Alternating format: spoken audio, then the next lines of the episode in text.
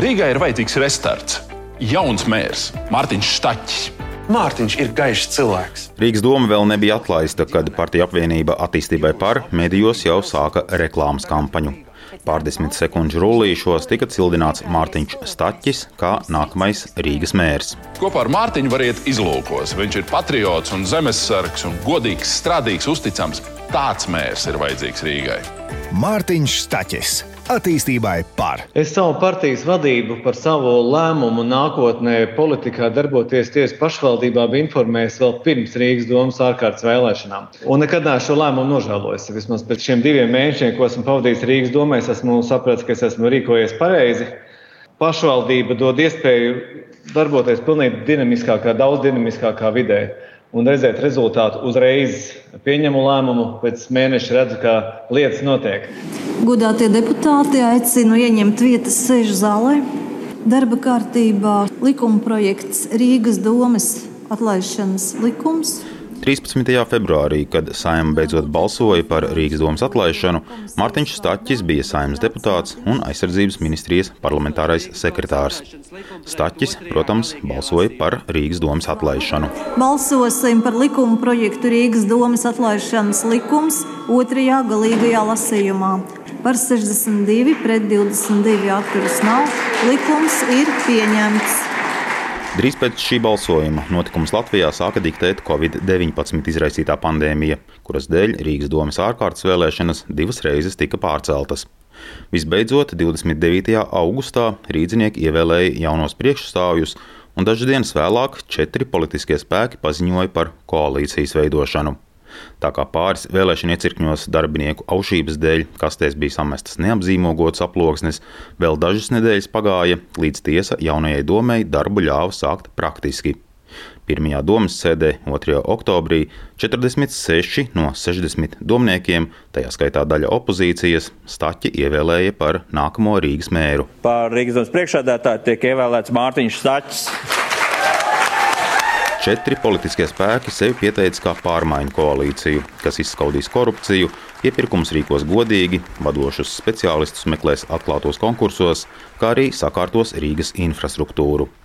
Bet koalīcijas pirmais darbs bija nostiprināt pašai sevi ar trīs algotu vicemēra amatu izveidi un arī algotiem komiteju priekšsēdētāju vietniekiem. Es uzņemos politisko atbildību par šo soli un nevienā brīdī to neesmu nožēlojis. Visi trīs vicemēri šobrīd strādā pilnu slodzi. Un um, darba šeit ir ļoti daudz. Mēs nevarētu iet ātrāk, lielākiem soļiem uz priekšu, ja mēs nebūtu šo veikuši. Es šobrīd redzu arī, ka arī visi pozīcijas deputāti patiešām ir uh, darbos no rīta līdz uh, vēlam vakaram. Tāpēc uh, nē, es domāju, ka tas bija attaisnojams un pareizs solis.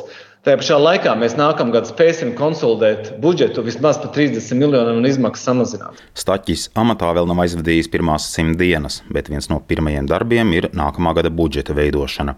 No pirmajiem griežamajiem 19 miljoniem eiro lausties atrasta Rīgas satiksmē, izrevidējot starpnieku barotnes sadārzinātajā etalonu un mikroautobusu sistēmā. Staķa uzņēmēja pieredze parādās, vērtējot arī citu iestāžu tēriņu plānus. Vienā vakardienā, kad man informācijas tehnoloģija centrs nes savu budžetu, viņiem teicu, ziniet, visi departamenti pie manis ir atnākuši savām prezentācijām, kuras ir drukātas krāsainas. Kas man, piemēram, uzreiz bija pirmais signāls, ka mēs vienkārši nesam izslēguši taupības režīmu. Jo tāpēc, ka melnbalts izdrukas vienkārši maksā piecreiz lētāk, tāpēc ejiet atpakaļ un meklējiet vēlreiz, kur jūs atradīsiet naudu, jo tāpēc, ka jūs vienkārši vēl nesat sākuši taupīt. Ietaupīt tūkstošus Rīgas varēja palīdzēs arī pirmais skaļais skandāls, kas skāris pašu koalīciju. Proti, novembrī Staķa politiskā spēka pārstāvis Māris Mičerevskis izstājās no Latvijas attīstībai, partijai pārmetot virkni tādu darbību, ko jaunā koalīcija solīja nepieļaut šajā sasaukumā. Atklājās, ka pietuvināts personas izmanto Rīgas domnieku privilēģiju, bezmaksas stāvvietu iespējas. Pēc melu skandāla atkāpās pašvaldību lietu ministrs Juris Pūce, kas panāca Rīgas domas atlaišanu. Savukārt Stačs izdomāja, ka turpmāk tādas stāvvietu kartes vairs nebūs nevienam. Mēs paši šo jautājumu konstatējam, paši nodevām atklātībā. Tā kā šeit nekādas vairs tādas piesakšanas no mūsu puses vairs nenotiek. Šis, manuprāt, viens piemērs diezgan precīzi var raksturot.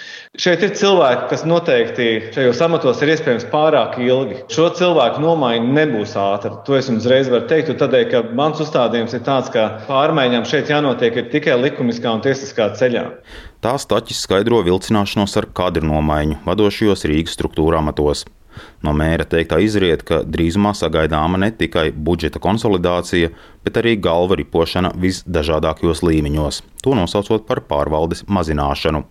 Bet par to staķis publiski runāt vēl negrib. Ja tu pasaki, ka jā, tiks eh, samazināts, tad uzreiz cilvēkiem pirms Ziemassvētkiem īpaši. Ja?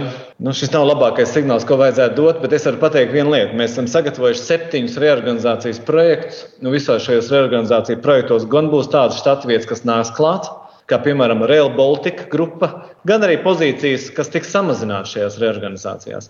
Tikmēr dažu zemāk atalgoto kategoriju strādājošie var justies pasargāti, jo Staķa komanda nākamā gada prioritātes veidojusi īsti sociāldemokrātiskā stilā. Cilvēkos naudu ieguldīt. Sociālā sfēra ir bijusi ilgstoši atstāta novārtā, un mēs redzam, ka tieši uz sociālo sfēru šobrīd pieaug pieprasījums, jo tāpēc, ka Covid-19 krīzes apstākļos cilvēkiem vairāk ir vajadzīga palīdzība kamēr paši sociālajie darbinieki un aprūpētāji ir soli attālumā no tā, lai paši būtu aprūpējamie.